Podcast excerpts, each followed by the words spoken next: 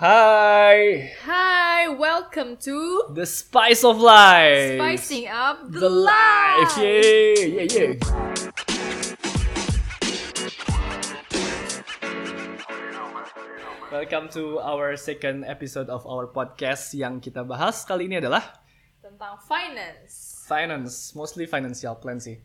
Karena kemarin udah health, sekarang finance, nanti health lagi. Jadi kayak ada pattern seperti itu ya. Enggak juga mungkin random stuff yang Oh iya, pengen in, in between nanti kita bisa tambah iya hal-hal yang hal yang agak nyampah cuman tetap valuable ya. Oke. Jadi, pada kesempatan kali ini kita Iya. akan membahas hal basic tentang finance karena sebenarnya ini ha- datang dari kehidupan kita sehari-hari Iya, sih Lebih ke profesi Dan- kita juga ya. dan pengalaman pribadi kita. Oke. Karena kita sekarang berada di umur 25 tahun dan di mana kita sudah bertanggung jawab dengan eh, finansial kita masing-masing. Dan semakin dewasa kok rasanya duit itu seret ya Iya, gitu.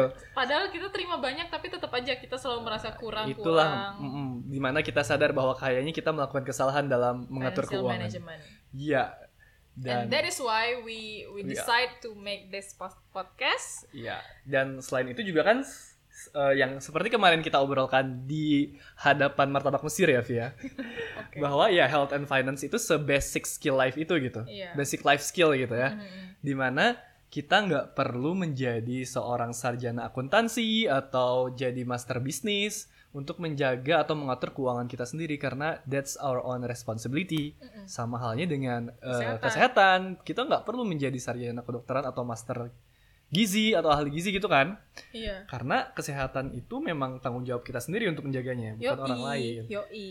Nah, itulah kenapa menurut kami itu hal-hal basic itu kurang bisa kami pelajari gitu di sekolah atau di mana pun ya. Mm-mm. Padahal itu sangat vital untuk tumbuh berkembang dan menjadi dewasa. ya dan orang-orang pun kayaknya mungkin sebagian besar masih bermasalah sih dalam dua hal ini padahal Hmm. hal itu basic gitu jadi sebenarnya podcast ini harusnya rame cuy Iya, ya Karena- bukan kita juga bukan mau ngasih tutorial gitu Iya. ya, how to live in your life gitu. karena if we are in the same vibe and in the same problem harusnya Iya. kalian juga bisa ngerasain yang kita rasain saat Iya, ini sih Karena dan kita di satu lini masa yang sama gitu kan. uh, dan kalau kita ingin memperbaiki ini bersama-sama Let's uh, learn Kita together. harus bersatu bersama Bersatu ya. Oke. ya sebenarnya finansial tuh kita sendiri sih yang tahu apa Hmm. yang kita butuhkan apa yang harus kita simpan dan apa yang kita akan rencanakan Hmm, Jadi Nah, gimana dalam, Vi? Dalam case ini, dalam case ini mungkin kita mulai dengan sharing pengalaman pribadi dulu sharing ya. ya. Karena ya kita belajar dari apa yang ada di hadapan kita. Iya. Ovi dulu deh gimana pengalamannya tentang keuangan. Hmm, baiklah. Sebelumnya eh, Jelasin dong mata pencaharian pekerjaan Iya, sehari-hari iya, iya. kan. Ya ya, sebelumnya maaf ya kalau ini sedikit mengecewakan persepsi kalian terhadap seorang dokter. mungkin saya akan menyuarakan eh, apa suara hati teman-teman saya atau mungkin bahkan bahkan mempermalukan mereka I don't know but this is the real the real experience. Oke.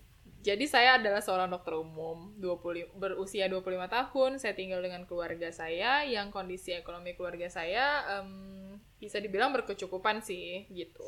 Oke. Cuma se- setelah sumpah dokter sa- sampai saat ini itu aku sama sekali nggak dibiayain lagi sama orang tuaku. Jadi apa pun Wow. mau biaya apa pun kayak mulai dari servis mobil ataupun keperluan diriku dan jajan-jajan itu semuanya aku yang harus cari sendiri Hmm. uh, from my own penny Uh.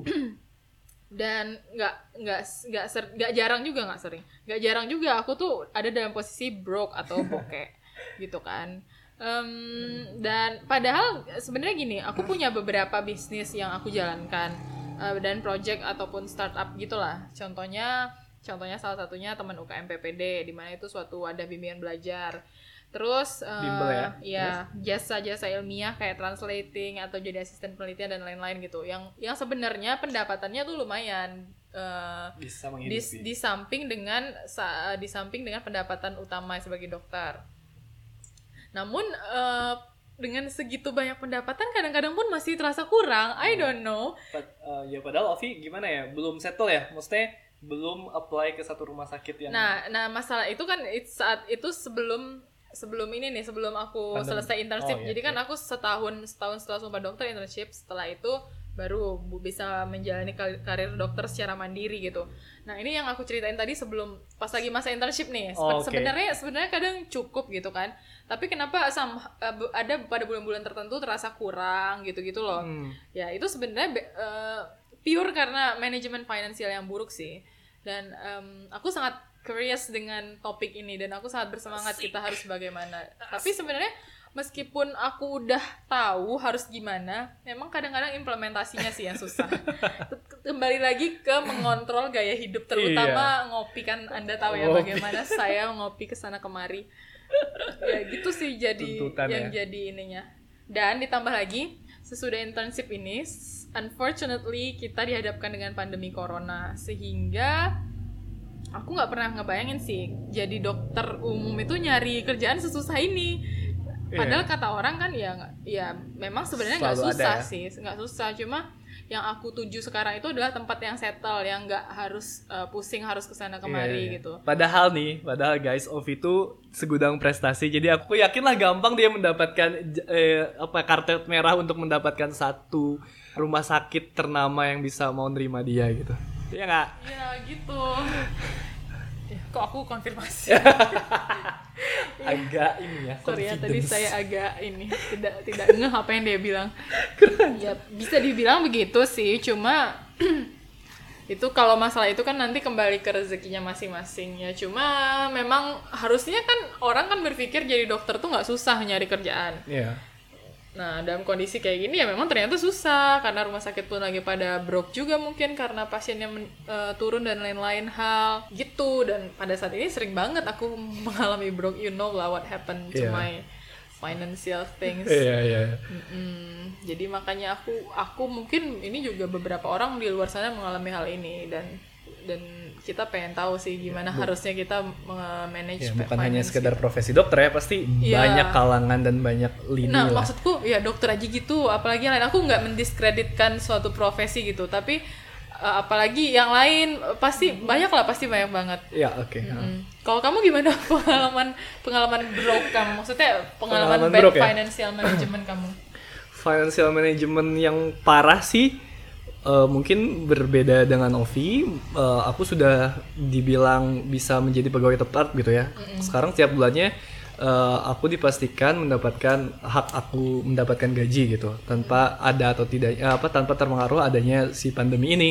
Nah, kalau pengalaman pribadi aku ya mungkin paling kerasanya itu setelah aku ninggalin rumah untuk kerja ngerantau ke sini kan di sana aku ngerasa kalau hidup aku tuh nggak bisa fully dibiayai sama orang tua kan dan waktu itu juga masih ya masih on job training. Jadi gajinya nggak belum full gitu. Baru kerasa di mana aku harus ngatur bener-bener uang makan aku budget jajan aku dan budget transportasi gitu kan. Apalagi masih mikirin suka pulang pergi pulang Bandung kan naik pesawat itu bukan hal yang murah gitu. Ngatur itu se efisien mungkin gitu. Karena kalau mau ngambil eh, apa ya side job atau lain juga nggak ada fieldnya buat aku gitu nah di situ baru kerasa kenapa gua nggak ada savingnya sama sekali Jadi beberapa bulan di awal-awal itu kamu masih agak kacau gitu. kacau banget sebenarnya Sampai kayak berapa lama tuh kamu bisa sadar? wah itu butuh waktu yang lama sumpah setelah beberapa financial mistake yang aku buat gitu Jadi kamu pernah broke ya? brok pernah lah Wah, kirain Gila. anak BC yang pernah shut broke. up ya jadi brok aku tuh karena Anti biasa broke, broke club. Kar gimana ya? Eh ah, biasalah anak muda waktu itu masih 20, 19 apa 20-an tahun gitu ya. Udah dapat gitu eh, pemasukan dan ya sebego-begonya anak muda megang duit gitu ya. Pasti beli hal-hal yang impulse buying gitu loh yang, yang aduh gadget baru pengen pengen beli gitu. Tapi walaupun enggak Skincare. skincare belum terpapar waktu itu. Apa dong? Traveling. traveling misalkan terus eh, kayak gadget sih kayak tiba-tiba gue beli laptop aja sembari gue nggak ngerti laptop itu buat non- buat nonton eh, film doang jatuhnya gitu kan Film bego banget Iya, yang iya. HD lah Iya, iya. terus lama kelamaan udah setahun dua tahun gitu kerasa nih nggak ada nih gitu hasilnya perasaan kok habis juga gitu nah di sana lah aku berpikir untuk melakukan sebuah plan gitu bahwa nabung ini harus punya goalsnya harus punya tujuannya ya di situlah aku berhenti untuk beli something yang nggak penting gitu. Jadi lebih ke value-nya daripada eh, ke, ke- keinginan aku untuk membeli suatu barang gitu. Oke oke. Jadi makanya eh, hal-hal tersebutlah yang mendorong Mendorong Kita. kekikiran aku. mendorong kita, Mendorong kita. agar kikir. Agar Nggak, kikir. agar menciptakan suatu obrolan ini. Suatu obrolan ini.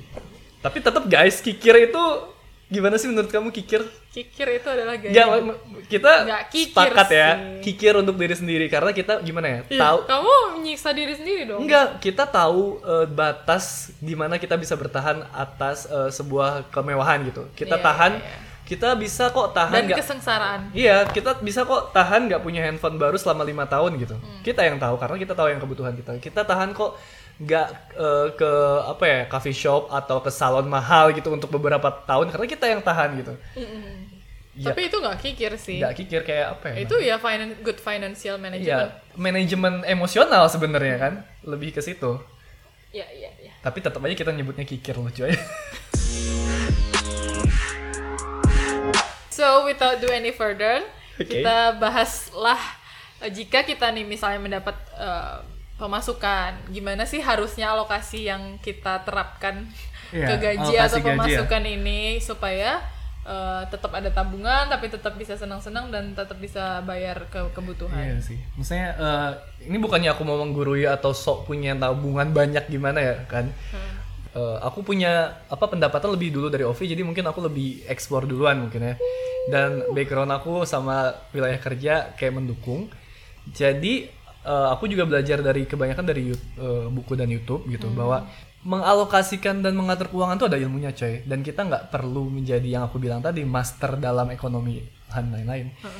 Jadi gini guys, alokasi gaji itu uh, kita harus sesuaikan dengan pendapatan kita. Misalkan kalau kita Kalau di sih? bawah UMR nih misalnya, Iya nih misalkan batasnya ya, UMR aja nih. Kalau di bawah gimana? kalau di bawah UMR misalkan yang sejuta dua juta gitu ya, aku nyaranin sih kayak 7525 sih. Jadi 75 persen 75% untuk konsumsi dan 25% untuk saving. Uh, jadi kalau misalnya gajinya sejuta tujuh ratus lima puluh ribu buat kehidupan dia selama Iya. sebulan itu. Dan tahu nggak konsumsi ya itu apa aja? Konsumsi itu ya yang yang pasti mau nggak mau pasti kita keluarkan. Yang wajib, like iya kayak konsumsi Listrik. makanan, listrik, transportasi, pulsa dan lain-lain gitu. Sedangkan sisanya kamu save lah. Nah, di situ dan yang perlu ditekankan lagi bahwa saving itu uh, the, the Dan first 25 persennya berarti buat saving. Iya. Tapi jangan dibalik 75 persennya habisin, habis itu terakhirnya baru nabung. Indomie. Jangan kebalik gitu ya berarti Jangan ya. kebalik. Ada emang bisa hidup 250 ribu eh, makan Indomie 750 ribu foya-foya anjir.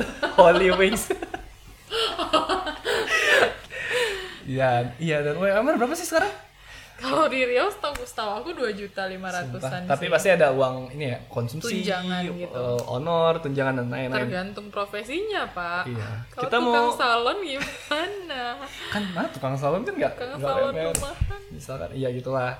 Intinya kita anggap UMR Jakarta deh ya yang Ya boleh lah. boleh lah soalnya jadi kiblat bisa 6 juta mungkin ya. Enggak, jadi tadi 75% kalau di bawah UMR 75% buat kebutuhan eh, sehari-hari. ya. 25 persennya ditabung, berarti 250 ribu ditabung Hmm, gitu. Tapi jangan terbalik, jangan saving. Savingnya tuh terakhir-terakhir, tapi ketika terima gaji langsung sisihin 250 ribunya gitu. Betul. Oke. Nggak hanya yang buat bawah UMR yang di atas UMR juga Nah, seperti itu itu. kan tadi tujuh, itu kan pembagian buat di ini biar biar Oh, masuk nih, biar masuk Oke, ke terus? wawasan para listeners yang budiman dan ke otak saya sih. Jadi habis itu kalau di atas UMR pembagiannya beda lagi berarti. Iya menurutku. Karena menurutku bisa lebih settle di eh, atas UMR. Hmm. Di mana yang kayak lebih udah terkenal ya 50 30 20. Kamu iya tahu nggak? Ah, tahu tahu tahu tahu. Iya, cuman implementasinya. 50 konsumsi, 30 saving dan 20% buat entertainment. Jadi ya mohon maaf yang tadi ku bilang 7525 jangan nanya entertainment ya gitu. Kayak struggling dulu Lu aja. ngaca aja gitu kan. Lu anak sultan bukan? Jadi lu nggak berhak untuk mengentertain diri lu. Iya, lu di taman kota aja cukup kali Ya, ya. mungkin melihat pemandangan, melihat orang lain bersenang-senang. Iya betul. Sambil makan batu. ya udah terus yang berapa tadi 50 30 20 50 konsumsi Artinya lima- 50% 50% konsumsi, 30% buat kamu saving dan 20% buat entertainment. Nah, yang Entertainment tuh kalau kayak minum Starbucks itu emang masuk- entertainment dong itu Tapi itu konsumsi all saya, the Pak. lifestyle is included in entertainment. Tapi itu Pak, itu konsumsi saya. Pak. bahkan bahkan ya you know infak dan zakat dan semua perpuluhan misalkan itu masuk ke di entertainment Oh, gitu. bahkan gitu Oh, gitu ya. karena saving itu sepenting itu Hmm, Oke. Kalau orang Kristen kan ada perpuluhan ya, berarti Ah. sisa 10% lagi buat ngopi. 10% dari bawah UMR saset. Sasetan ya guys. Enggak, masih ada GrabFood. Apa eh tau gak sih? Kopi kopi yang sasetan terus diseduhnya di dalam cup plastik terus diaduknya pakai sasetnya yang bekas. Iya, tahu tahu tahu tahu. Tahu banget ya Allah. dicampurin dengan Indomie yeah Indomie yang nggak dimasak, Iya. kremes-kremes, bumbunya dikocok. goodbye Starbucks hello makanan SD Welcoming cancer. karsinogenik terus Oke. terus tuh kan ketawa mulu anjir ya, sama. jadi begitu ya, 50% konsumsi, 30% saving, saving, 20%, entertainment. entertainment. Dan berarti kayak minum ngopi, segala macam, kafe, nongkrong, itu semua Iya. masuk ke entertainment ya. Bahkan Iya. sampai hal-hal agama sekalipun. Iya, menurutku kayak gitu. Maksudnya yang aku pelajari ya, Iya. ya kayak gitu. Dia Kalau tahu kalau ini ngasih-ngasih ke ke orang tua atau ke keluarga itu itu ke konsumsi gak sih? Hal-hal yang rutin, Hmm. sesuatu yang pasti dikeluarkan, harusnya dikonsumsi. Dan aku mau deketin lagi yang entertainment tadi misalnya, kembali lagi ke kita, kita yang bisa mengatur gitu. Jadi jangan sampai kehidupan sosial itu mempengaruhi gaya hidup kita sampai di titik kita bangkrut gitu. Sampai di titik entertainment kita 50%. Iya. Goodbye sosi- teman-teman sosialitaku. I'm signing out. After hearing this podcast, aku menjadi biksu. Halo teman rakyat jelata. Aku aku sekarang jadi biksu guys di pegunungan Himalaya. Jangan cari aku. Rambutku botak. Goodbye salon-salon artis. Iya ya, jadi kalau botak juga hemat perawatan. Najis kikir tuh. tuh. Oke, terus Nah, sekarang masuk ke saving nih eh, atau tabungan. Gimana? Kan gini, kalau misalnya yang awal nih kayak aku ya, eh sedang yang pendapatan awal aja nih, itu aja buat mencukupi semua konsumsi kayaknya udah pas-pasan gitu. Hmm. Eh, gimana tuh caranya nabung? Dan kamu bilang kan emang turunin gaya hidup kata kamu gitu kan? Ya memang emang aku susah menurunin gaya hidup. Soalnya gini guys ya, sebelumnya tuh kan karena kita pengen menikmati masa muda gak sih? Nah itu ke satu, terus ya nggak mungkin juga jadi biksu. Maksudnya, I'm sorry biksu over uh, over the world. I'm sorry. Ini hanya eh, konten bercanda. Terus terus. ya misalnya kan sebelumnya nih mendapat suplai dana dari orang tua nih kan, dan kita tuh udah terlanjur gitu, Terlena ya. terlanjur da- berada dalam tahap itu yang nggak mungkin kita tiba-tiba langsung kayak boom gitu. Gimana tuh caranya kita supaya bisa adaptasi dan tetap menabung gitu? Kamu ada tips-tipsnya nggak? Gimana sih maksudnya? Ya maksudnya gini, kayak aku kan sebelumnya aku didanai oleh, oleh orang tua, terus aku ada pendapatan tambahan. Jadi kan aku lebih banyak tuh pendapatannya, maksudnya bi- bisa lah eh, sesuai dengan apa ngikutin eh, ngopi-ngopi sana sini gitu. Tapi ketika aku harus nyari uang sendiri dan harus memenuhi memenuhi semua eh, tagihan-tagihanku sendiri itu kayak mulai kan mulai lebih susah gitu Iya, kan. iya. Gimana caranya kita bisa tetap nabung? Oke, sebenarnya mungkin sekarang ter- lebih terasa dan lebih bokeh karena kita merasa kita sudah dewasa dan bertanggung jawab atas diri kita sendiri kan. Jadi di saat kita misalkan waktu eh, dulu ditanggung orang tua, sekarang kita baru merasa sakitnya ngeluarin duit coy. Iya betul. Karena itu duit kita sendiri Gila, dan kayak ditagih parkir aja yang sakit hati. Iya. Dua ribu. dulu aing les bahasa Inggris kagak pernah masuk. Kemarin gue les bahasa Jepang. Gak, gak mau bolos sayang duitnya.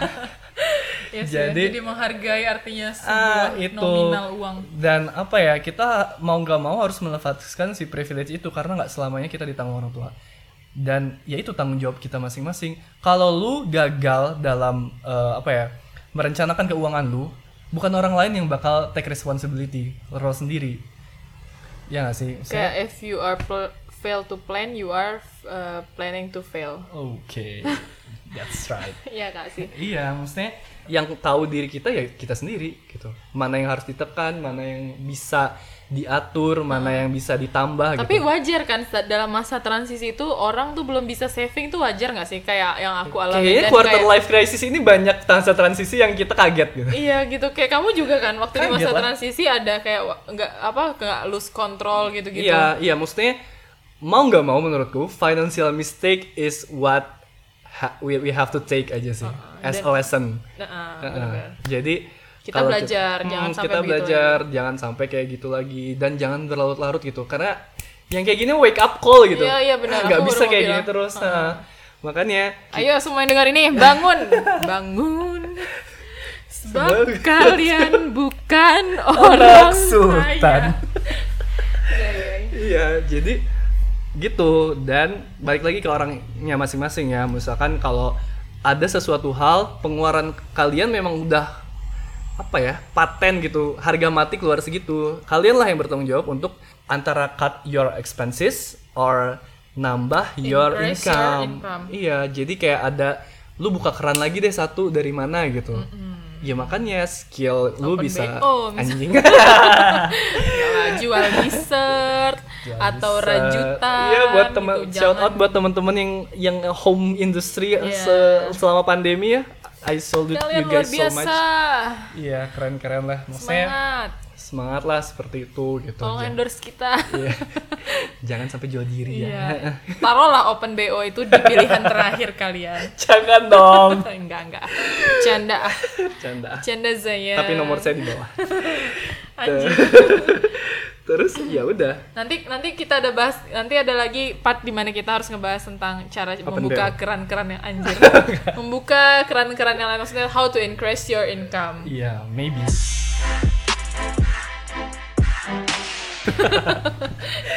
Oke, jadi saving tadi saving tadi tuh di mana sih sebaiknya kita nabung Gun di ATM kah Wah. atau di mana Ini kah? nih yang aku mau Di tekanin. orang tua kah? Di celengan? jangan yang aku mau tekankan eh, kita nggak usah mau nabung untuk beli ini beli itu gitu. Mm-mm.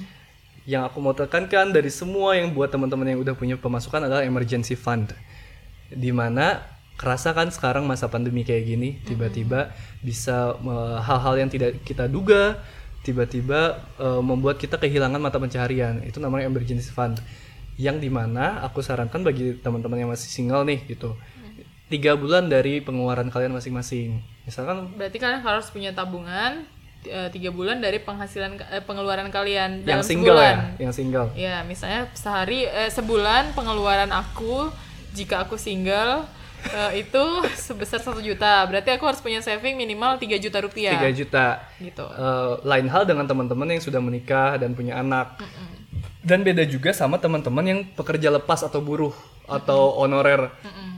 Yang gajinya tidak Tidak tetap, misalkan content creator gitu kan. Aku lebih nyalanin bahkan 12 kali pengeluaran. Karena ya itu, kita nggak tahu kapan lagi kita punya job. Nah, kalau yang tiga bulan itu eh, kita asumsikan misalkan suatu saat kita kemalangan gitu atau misalnya kita kehilangan pe- apa pekerjaan kita kita bisa survive at least 3 sampai 6 bulan sampai kita menemukan pekerjaan baru gitu. Di situ aku tekankan teman-teman jangan nabung untuk membelikan sesuatu atau buat ini buat itu. Yang penting emergency fund kalian sudah terpenuhi, baru kalian dare to dream to buy something gitu misalkan. Oke, oke. Nah, kayak gitu emergency berarti fund. berarti kalau kita awal-awal nabung nih dari masa transisi tadi yang kita belum sadar terus akhirnya kita sadar nah pertama kali yang harus kita tabung adalah untuk mengisi eh, apa pundi Si emergency fund ini Pos alokasi si emergency fund Nah, atau dana darurat ya. Ah, ah, setelah itu terpenuhi misalnya kan Nah, Dan baru- darurat juga itu ya, including kayak misalkan ada kecelakaan atau kemalangan, iya kayak gitu, hal-hal mendesak gitu yang nggak bisa kita hindari. Nah kayak baru mendesak deh diajak teman ya. Mendesak diajak mendesak party. di- mendesak diajak liburan anjir gimana nih? Kalau nggak ikut ntar gue dikeluarin dari geng. iya dikucilin lagi aing. Gimana tuh. emergency boy. Enggak lah jangan itu nggak emergency ya. Iya. sekali lagi jangan takut untuk bilang no. Iya. jangan takut untuk bilang tidak. Jadi inget gak sih kalau kita misalkan eh kita kita mau nongkrong dulu kita nggak ini ya kita eh, kita secil itu nggak nggak tabu ya sama Iya, keuangan. nggak, Woi ayo cabut. Aduh gua gua lagi nggak ada sorry duit. aku lagi broke. Udah santai. Kalau misalnya lagi Ya, ada yang atau bahkan oh jadi nggak keluar pun nggak keluar gitu. Iya, no problems iya, iya, gitu. benar-benar. Kalau memang lagi broke ya ya pilihan pilihan untuk tidak ikut dan tidak keluar tuh selalu ada gitu. itu harusnya pertemanan tuh seperti itu ya Iya, gitu. yang sesehat itu Nah, malah menurutku kayak yaudah gue bayarin tuh kayak em, ya kurang sih Kurang karena sih. itu menciptakan sifat-sifat ketergantungan iya dan kita pun merasa hmm, ya ya kayak membebani. aku juga gak suka sih kalau suka harus sih, selalu juga. dibayarin teman Iya. gitu-gitu. Sebrok-broknya ya, mending mending diam di rumah lah. Mm, bener-bener. Setuju setuju. gitu. Terus apa ya? Kalau pundi-pundi si emergency fund udah penuh baru kita masuk ke saving yang lainnya. Entah itu mau beli sesuatu tujuan atau finansial goalsnya nih apa aja gitu. Uh-uh, entah itu mau beli sesuatu atau pergi ke suatu tempat atau memang mau saving buat buat membeli sesuatu. Atau misalnya kayak menikah, Menikah. naik Nah, haji dan Iya lain-lain guys. gitu. jadi aku mau sharing tipis-tipis lah. Iya iya. Ca- eh, yang aku pelajari nih ya. Uh-uh. jadi kalian nabung tuh harus ada sesuai periode waktunya. Misalkan kalian pengen nabung tujuan pernikahan. Eh, misalkan pernikahan kalian eh, rencanakan dua tahun lagi. Nah aku rekomendasikan untuk tidak menyimpan tabungan kalian di di bank gitu aja gitu. Aku rekomendasikan teman-teman untuk belajar invest lah agar nilai tabungannya itu tidak kalah sama nilai inflasi Hmm. jadi misalkan kalbu punya duit 10 juta, diam aja. 10 tahun eh 10 juta 10 juta misalnya beli apa deh emas enggak enggak mas enggak. enggak ya Mas tuh tahan inflasi, jadi nggak Oh, bisa jadi. nggak bisa ya Motor, motor misalkan. 10 juta kamu bisa untuk beli Vario misalkan. 10 tahun lagi kamu Ah, jangan sebut merek kan nggak dibayar Iya, dengan harga 10 juta segitu pokoknya. Pokoknya motor dengan kayak gitu pasti 10, 10 tahun lagi sudah naik harga gitu. belinya Hmm, iya Kayak misalkan kita beli eh, bakso tahu lah, dulu 500 perak udah bisa jadi kan. iya sekarang Sekarang, dua sekarang berapa lebih lah? dua ribu Dua puluh lima ribu satu piring. Dulu lima ratus ada Iya di Bandung coy lima ratus doang. Terus sekarang harga gorengan sebiji aja iya, dua ribu iya makanya karena kita harus nyimpan itu tahan inflasi dengan cara investasi. Oh. Dan investasi ya aku bilang sesuai eh, goalsnya yang beberapa tahun. Aku rekomendasiin teman-teman untuk mulai belajar investasi di paling aman yang di eh, SBN surat berharga negara. Sekarang tuh lagi ada ori tuh. ini nanti dibahas lagi lebih lengkap pak saya tertarik Oke deh. karena kalau dibahas di sini semua gila ini Eh, terlalu bisa tipis sampai ya. ya. Pokoknya ada Sampai buat teman-teman bisa belajar SBN sekalian bantu negara tuh. Ada reksadana kalau bisa eh, belajar lagi peer to peer lending dan belajar lagi ke sampai ke saham. Hmm. Jadi teman-teman kan banyak tuh langsung Gun saham gimana? Coy, lu kalau belum bisa emergency fund aja nggak punya gitu. Eh, jangan ngomongin saham Jangan deh, ngomongin bos. saham deh bos gitu lah. Lu kalau saham lu anjlok, iya hidup lu anjlok juga soalnya. Iya. Kayak orang-orang yang main Bitcoin tuh. iya ya Apes banget. Oh, oh, oh, oh. Nah, ya itu lu benerin dulu nabung lu, lu belajarin dulu tentang eh, reksadana, SBN, peer to peer lending. baca ya baca Hmm. dengar dengar berita jangan males Iya, dan coba untuk apa ya? terjun dengan nilai yang kecil dulu gitu. Hmm. Jangan sampai lu percaya kata orang langsung gede, semua tabungan lu lu masukin situ. Hmm. Itu eh, ya itu yang aku bilang don't put your eggs in one bucket. Hmm. Takutnya salah satunya eh, anjlok, nanti seluruh tabungan lu hilang. Iya, bener-bener. Matilah situ. iya iya. Tapi kalau kayak investasi kayak misalnya beli barang misalnya emas atau tanah gitu itu termasuk investasi nggak? Eh, atau menurutku sneakers. Kata orang sekarang beli sneakers tuh investasi cuy. Itu Menurut itu hobi ya. Tergantung orang sih yang yang tahu gitu. Kayak hobi pasti ngerti, lebih ngerti kan atau tentang kayak harganya. Gundam apa gitu ya ya ya pasti ada pasarnya. Cuman kamu harus yakin aja itu berkesinambungan gitu. Nggak Hmm. akan tiba-tiba nggak diminati orang lagi dan yang tadi kamu bilang kayak emas tanah itu menurutku aset sih tapi Hmm. asetnya memang bisa tumbuh berkembang kalau emas itu bukan investasi karena menurutku menurut yang aku baca dan lihat juga itu tidak ada cash flow-nya. Jadi emas tuh memang dia tahan inflasi. Misalkan IHSG nih, indeks harga saham gabungan tuh lagi tinggi, emasnya turun. Atau misalkan eh, rupiah kita lagi lemah, malah emas kita naik gitu. Jadi tidak bisa dijadikan Prediksi. patokan ya nggak ada cash flow dan apa ya pertumbuhannya gitu. Kalau emas itu ya, aku kalau udah menurutku kalau udah emergency fund, coba deh belajar tentang eh, investasi yang aku bilang kayak eh, SBN, reksadana, reksadana juga banyak. Nanti itu kita ada pilihannya. uh, episode spesial lagi buat bahas itu lebih dalam ya. Boleh deh kalau ada yang minat. Uh, ayo ke yang mau minat kalian silakan request ke Bapak Wiguna. Nah ini ada juga pertanyaan Gun kemarin dari Instagram eh, tentang eh, retirement plans. Ah. Itu itu di kapan tuh kita harus mulai nabung buat masa pensiun? Nah, yang aku senang juga bahas ini karena semakin dini kita mempersiapkan retirement, semakin baik. Karena aku bilang kan, eh, semakin lama kita berinvestasi, hasilnya semakin terasa dan semakin melipat ganda gitu. Karena ya investasi saham itu butuh waktu yang lama, coy. Investasi saham tuh baru Berarti kayak termasuk termasuk tabungan jangka panjang. jangka panjang, sangat panjang. Tabungan Bisa- itu ada ada jangka-jangkanya kan? Iya yang aku bilang tadi. eh, misalnya kalau lu eh, antara 3 sampai 3 tahun sampai 5 tahun bagus di reksadana sih sebenarnya. Hmm. Eh, terus misalkan kalau lu buat retirement itu saham banget. Kalau bisa yang blue chip yang tadi aku bahas ya. Di Karena live ya. karena pasti nggak akan ke mana-mana perusahaannya nggak bisa gitu dicari dan Oke, tahan. meskipun saya masih bingung guys, eh, nanti kita simpan hal-hal ini, hal-hal blue chip blue chip ini untuk di episode lainnya.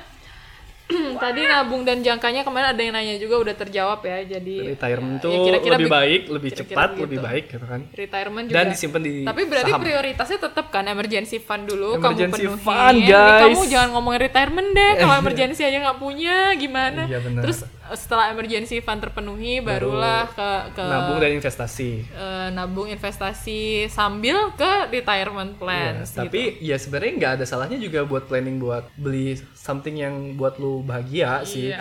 Ya lu menabung masa depan kalau tahunnya nggak nyampe umurnya gimana? karena lu stres gila nggak Aduh tuh retirement gua gak, gak nyampe-nyampe duitnya mati. Tahunnya umur 30 lu mati cuy Karena lu stres hidup lu terlalu terbeban Gak usah jadi ya santai Chill. aja lah ya Nikmati hidup ya tetap guys dan Tapi dalam pressure. koridornya Ah, Jangan jadi biksu juga Gak apa-apa kok kita Jadi agak-agak eh, tetap plan buat eh, jalan-jalan, pengen handphone baru ada tapi tetap direncanakan. Okay, seems like we have already discussed all of our topics. Um, oh, tapi ada satu lagi nih, ada pertanyaan dari gue di dari teman-teman di Instagram Oh, iya. yang menanyakan. Beberapa yang ingin tahu atau beberapa ada yang eh, ini ya kayak mohon maaf aja gitu pertanyaan. Iya.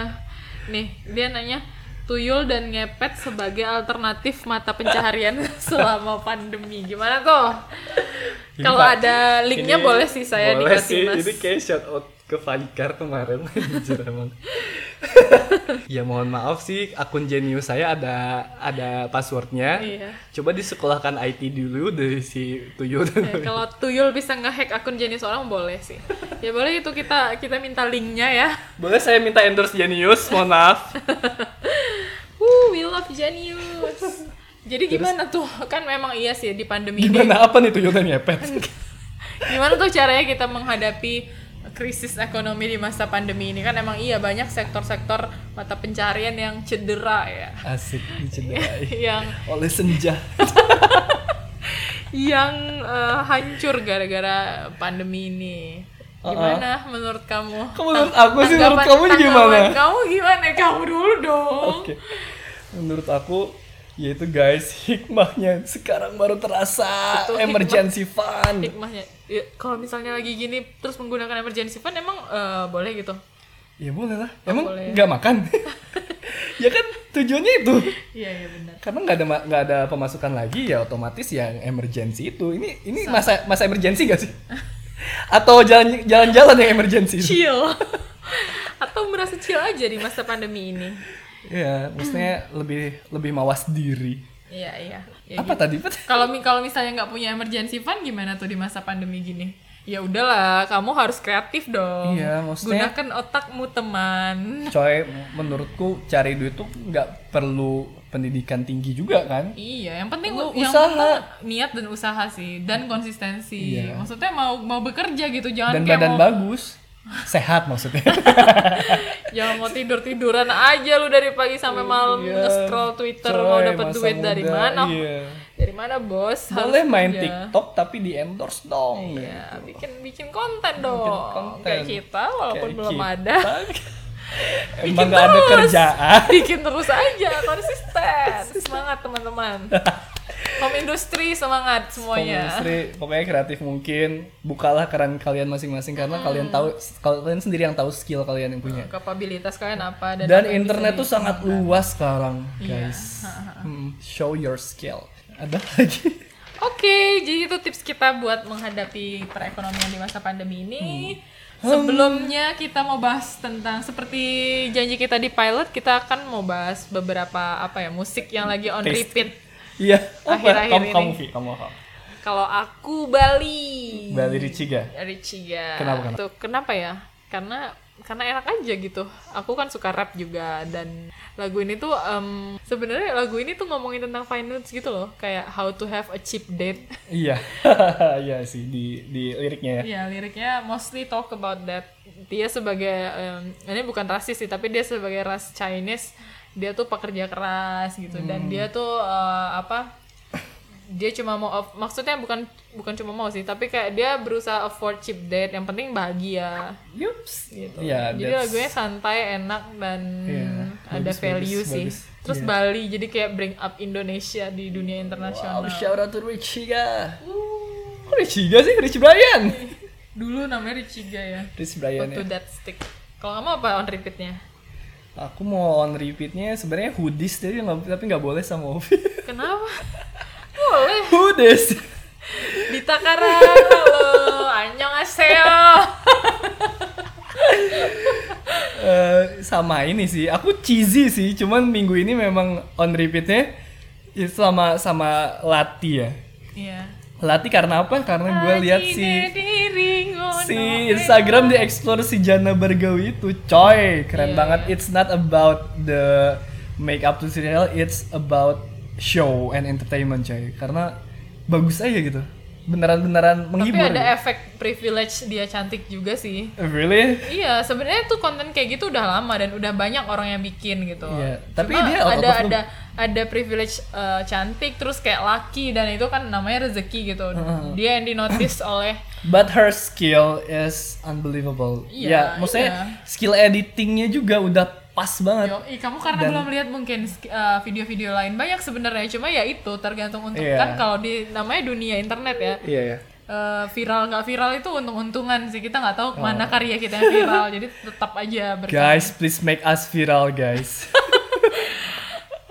mungkin segitu dulu ya ada Um, lagi Iya, eh tapi aku juga mau sh- shout out untuk buat Weird Genius menurutku itu keren Bagus. sih, keren banget. Iya, iya. Aku suka juga denger lagu-lagu dia yang lain. Aku juga suka EDM kan.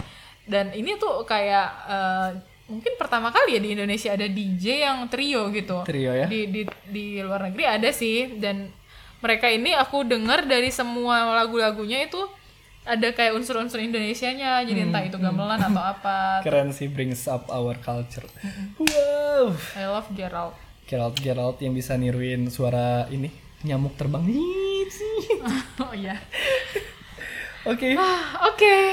Selamat mendengarkan semua teman eh, semua teman-teman yang ada di mana pun dan Eh, semoga kalian semoga bisa eh, apa ya mengatur memberi keuangan kalian insight kalian tentang financial management. wake up guys this is not about kehidupan sosialita lagi gitu gak usah gengsi-gengsi lah sekarang gak zaman Jangan terlambat, jangan terlalu misal. lama terlena dengan sosialita Ya, muna. dan kehidupan yang pernah aku bilang itu gak sih Apa? menikmati masa muda bukan berarti menghancurkan masa depan Iya ya, berbeda tipis dengan menghancurkan masa depan. Benar sih, benar.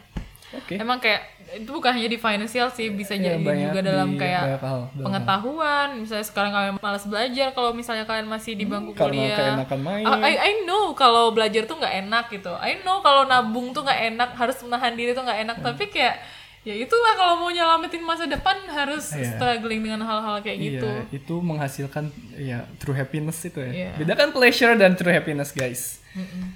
Wah, itu nanti kita bahas lagi. Oke, that's all. See you in the next episode. Eh, dan episode berikutnya kita akan ngebahas Um, I'm not. sex education, guys. Ayo para Pornhubers, RedTubers.